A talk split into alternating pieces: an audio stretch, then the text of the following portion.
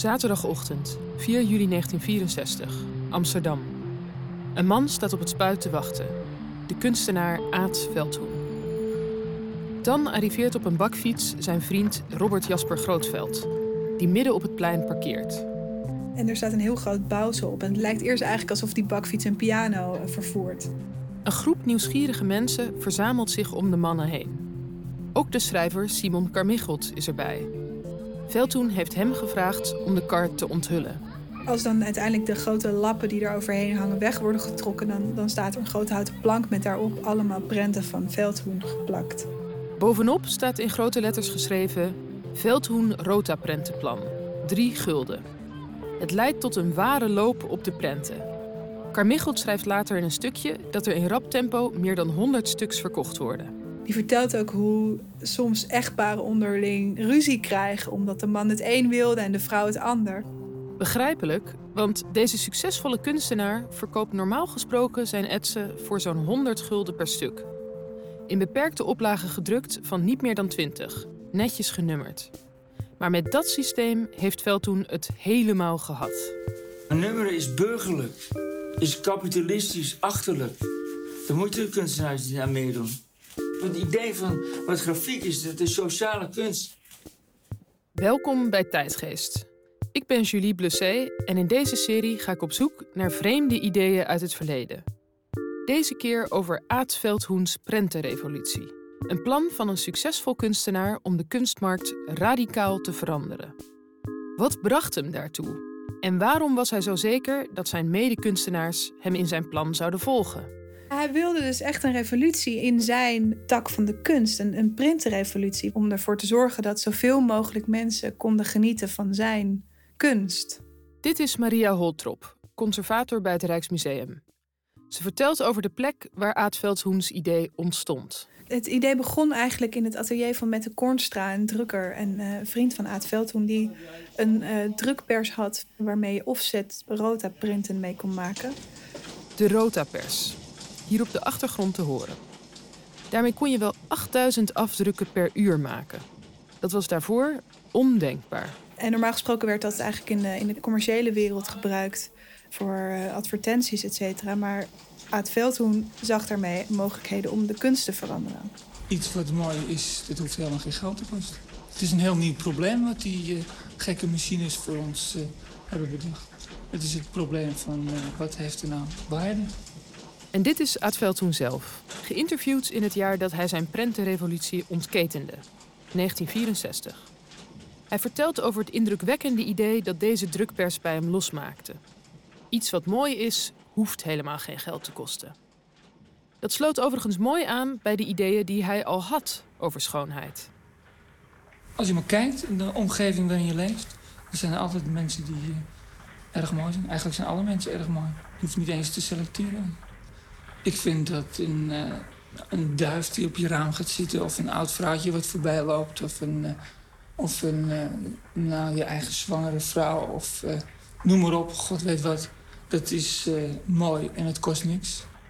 Hij zag in iedereen schoonheid en hij wilde die schoonheid met iedereen delen. De Rotapers leek hem daarbij perfect te kunnen helpen. Maar hoe precies? Door dit apparaat heeft hij ineens stapels van zijn eigen werk in zijn atelier liggen. Maar hij heeft nog niet helemaal uitgevogeld hoe hij dan dat werk ook daadwerkelijk bij die gewone man kan krijgen. En ik zat met een probleem. Ik heb het nou wel bedacht en het, het, is fantastisch, maar wat doe je daarmee? Dus hij belegt een vergadering met zijn vrienden, uh, waaronder de, de kunstenaar Simon Vinkenoog, uh, Robert Jasper Grootveld.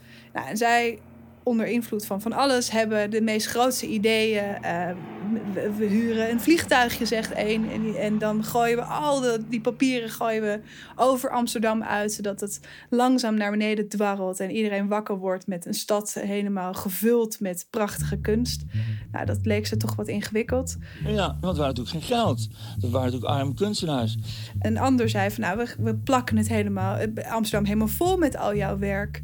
Uh, maar dat, nou, daar, daar, dat vonden ze ook niet het beste idee. Dus eigenlijk droop beetje bij beetje uh, iedereen af. Behalve Robert Jasper Grootveld, die altijd wel wel in was voor uh, een mooi idee. Die was er echt geïnteresseerd. Die zag het. En die zei: Mijn vader heeft een bakfiets. Waarom verkopen we ze niet vanaf de bakfiets? En dan dus geschieden. Ja, zo ging dat. De eerste tijd verliep Veldhoens plan voorbeeldig. Hij verkocht grote aantallen prenten en werd uitgebreid geïnterviewd door de kranten, radio en tv. In het bijzonder wil ik welkom heten de heer en mevrouw Veldhoen en de heer Grootveld. Veldhoen over zijn hier en daar omstreden rotaprentenplan. Als je ja zegt tegen die machine, zeg je ja tegen zulke stapels drukwerk. En dan eh, kan je dit, die prenten niet meer verkopen voor 100 gulden. Maar moet je ze voor 3 gulden verkopen. Met die rota-prenten, die maar 3 gulden kosten, is hij, zoals Paar Michels zei, doorgestoten naar de massa. Rode prent is een medium van deze tijd. Ja, dat paste eigenlijk heel goed bij de sfeer van de jaren 60, want die was hartstikke anti-elitair en ook anti-institutioneel. Dit is Olaf Veldhuis, kunstsocioloog aan de UvA. Hij vertelt dat in dezelfde jaren bijvoorbeeld ook het Rijksmuseum werd bezet. De elite die de macht had om te beslissen wat er in musea getoond werd, dat moest op de schop. Er is vanmorgen een telegram aangegaan, uitgegaan naar de minister. Dat is een noodkreet. Het museum moest doorgelucht worden. Buiten werden zij opgewacht door een groep sympathisanten... waarna gezamenlijk de internationale werd ingezet.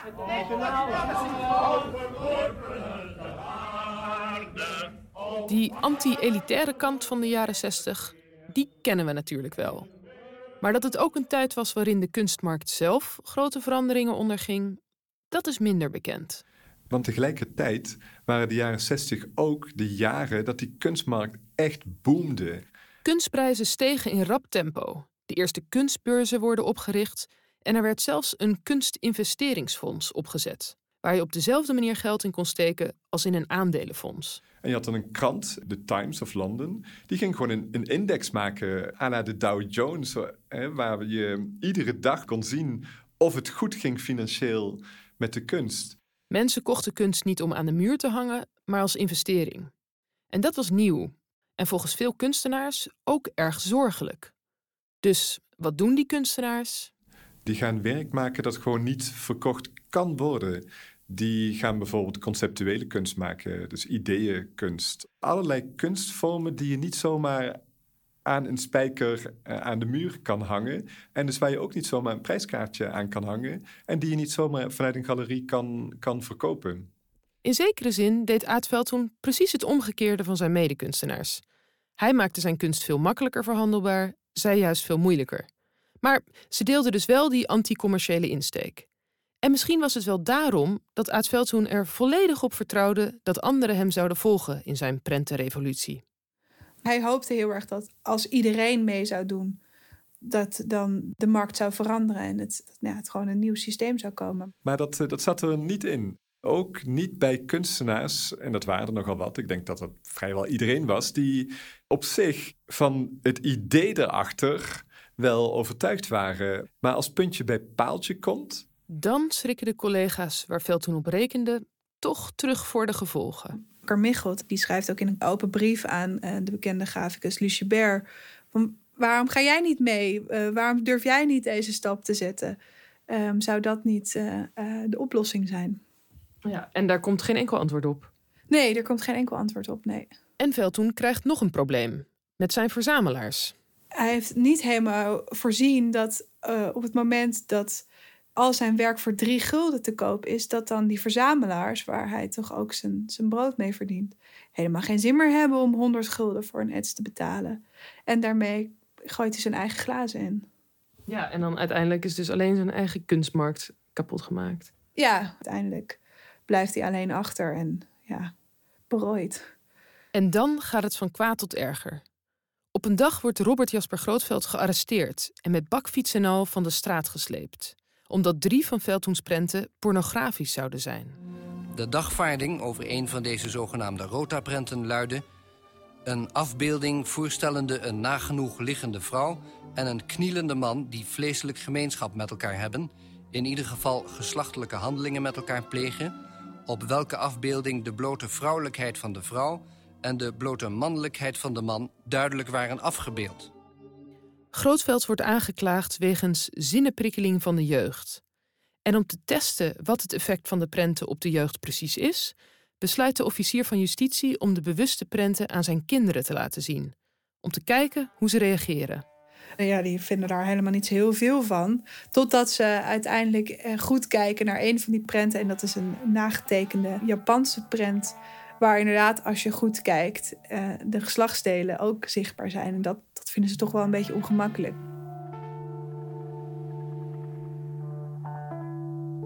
Grootveld wordt veroordeeld. De volledige oplage van de prent wordt in beslag genomen en vernietigd. Veldhoen is verbijsterd. Ja, die begrijpt er helemaal niets van. Want uh, hij, hij vindt zijn eigen werk helemaal niet pornografisch. En uh, ja, ik, ik denk dat hij zich onbegrepen voelt.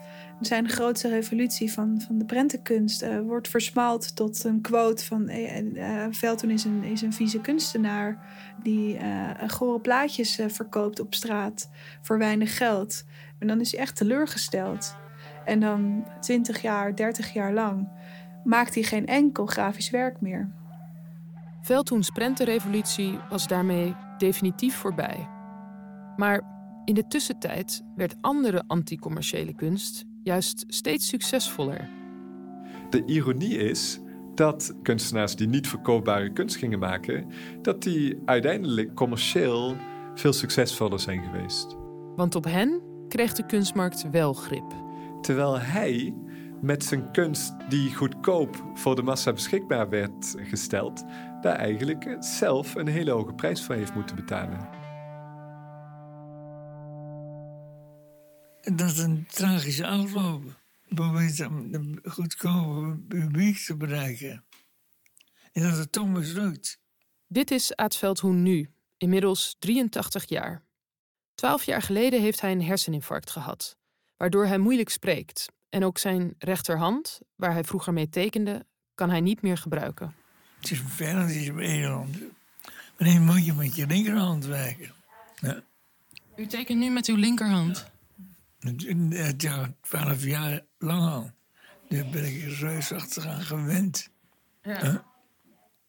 Ik vraag hem hoe hij nu terugkijkt op zijn prentenrevolutie. Vertrouwen op het idee. En dat er een revolutie zou ontstaan. Het is weer nog maar dat er geen collega's hebben meegedaan. Dat ze niet, gewoon niet gezien hebben. De revolutie waar Veld toen op hoopte, die is er niet gekomen. En ook de kunstmarkt is niet veranderd. Maar zijn idee is niet vergeten.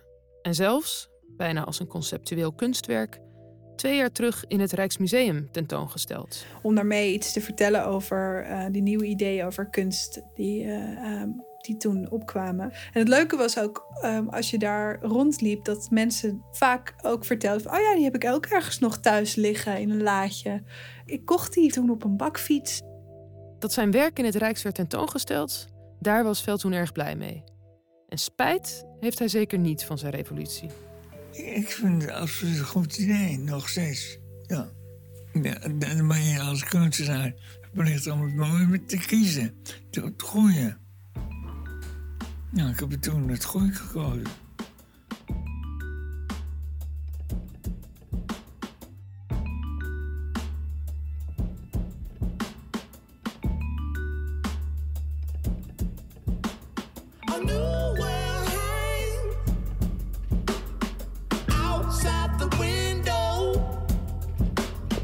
beautiful and strange.